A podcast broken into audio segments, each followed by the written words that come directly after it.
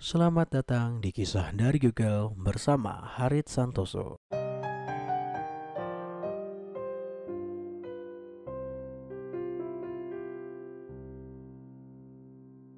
Dahulu, di Pakistan terdapat sebuah rawa bernama Dauran. Rawa itu ratusan kilometer panjangnya. Di tengah rawa tersebut terdapat sebuah kota bernama Aida Zinum.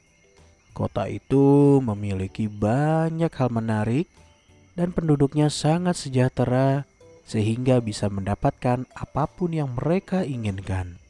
Di dalam kota itu ada seekor tikus bernama Mezra yang dinobatkan sebagai raja tikus di wilayah tersebut. Kekuasaan Mezra bahkan meluas hingga ke desa-desa pinggir kota. Untuk membantunya dalam memimpin para tikus, dia dibantu oleh tiga orang penasehat yang cerdas dan pemberani. Suatu hari, para penasehat berkumpul dengan sang raja tikus untuk membicarakan berbagai masalah yang terjadi di sekitar kerajaan mereka. Di tengah perbincangan, Mezra, sang raja tikus berkata, Apakah mungkin membebaskan diri kita dari teror kucing? Kita sudah sangat lama ditindas oleh para kucing itu. Meski kita hidup nyaman dan memiliki banyak kesenangan dalam hidup, ketakutan kita terhadap kucing telah melenyapkan semua kenikmatan tersebut. Saya harap kalian bisa memberi saran bagaimana mengatasi masalah ini. Apa yang kalian pikir harus kita lakukan? Kata penasihat pertama, saran saya adalah mengumpulkan sebanyak mungkin lonceng kecil dan mengalungkan bel itu ke leher setiap kucing sehingga kita dapat mendengar mereka datang dan memiliki waktu untuk bersembunyi di lubang-lubang kita. Ujar penasehat pertama. Raja pun menoleh ke penasehat kedua dan berkata, Hei, bagaimana menurut kamu tentang sarannya itu? Uh, saya pikir itu saran yang kurang baik. Siapa yang berani memasang loceng di leher kucing meskipun kepada seekor anak kucing? Menurut saya, kita harus mengungsi untuk sementara waktu ke desa. Ketika kota kosong, kucing akan mencari di kota lain yang banyak tikusnya. Sehingga ketika kucing sudah tidak ada di kota kita, kita dapat kembali dengan aman. Lanjut penasehat kedua.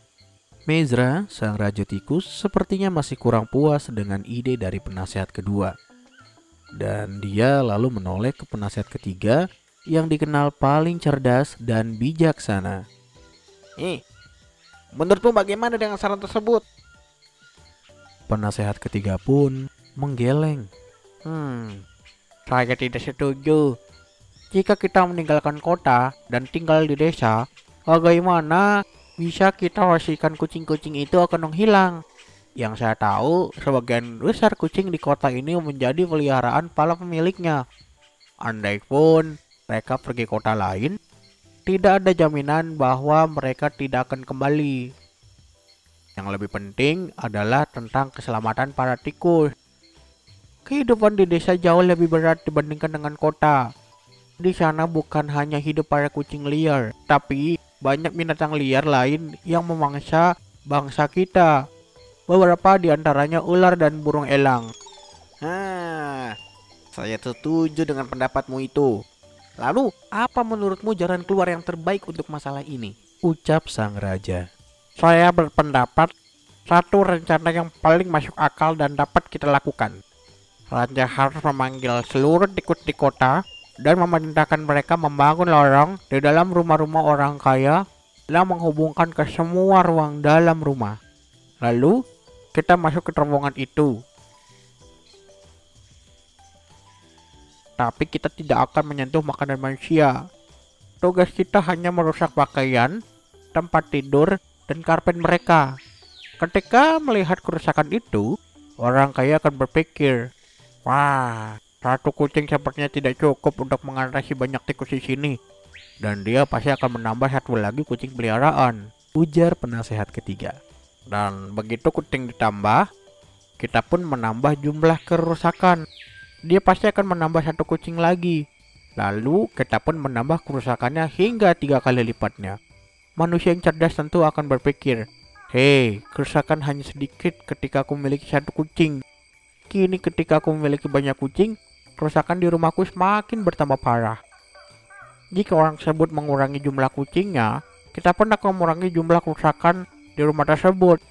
Orang tersebut pasti berpikir, hmm, aneh sekali. Lalu dia akan menyingkirkan satu kucing lain. Kita mengikuti dengan mengurangi tingkat kerusakan. Dan akhirnya, tentu saja kita akan menyingkirkan satu lagi kucing yang tersisa. Dan saat itu merupakan waktu kita untuk menghentikan merusak barang-barang orang kaya itu. Tentu para orang kaya akan berpikir, Wah, ternyata tikus bukan merusak rumahku, melainkan kucing. Dan mereka tentu akan bercerita kepada orang lainnya. Karena mereka orang kaya tentu saja pengaruh mereka akan sangat besar untuk masyarakat di kota ini. Dan nantinya kucing akan diburu dan justru akan dimusnahkan.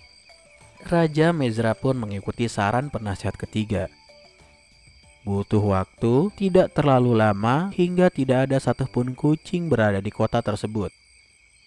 Bila mereka melihat lubang di pakaian mereka, orang-orang tetap yakin bahwa itu adalah ulah kucing. Kini, jika itu terjadi, mereka pasti berkata, Hmm, seekor kucing pasti telah menyelinap ke rumah tadi malam. Dan dengan cara itu, para tikus benar-benar berhasil membebaskan diri dari rasa takut terhadap kucing.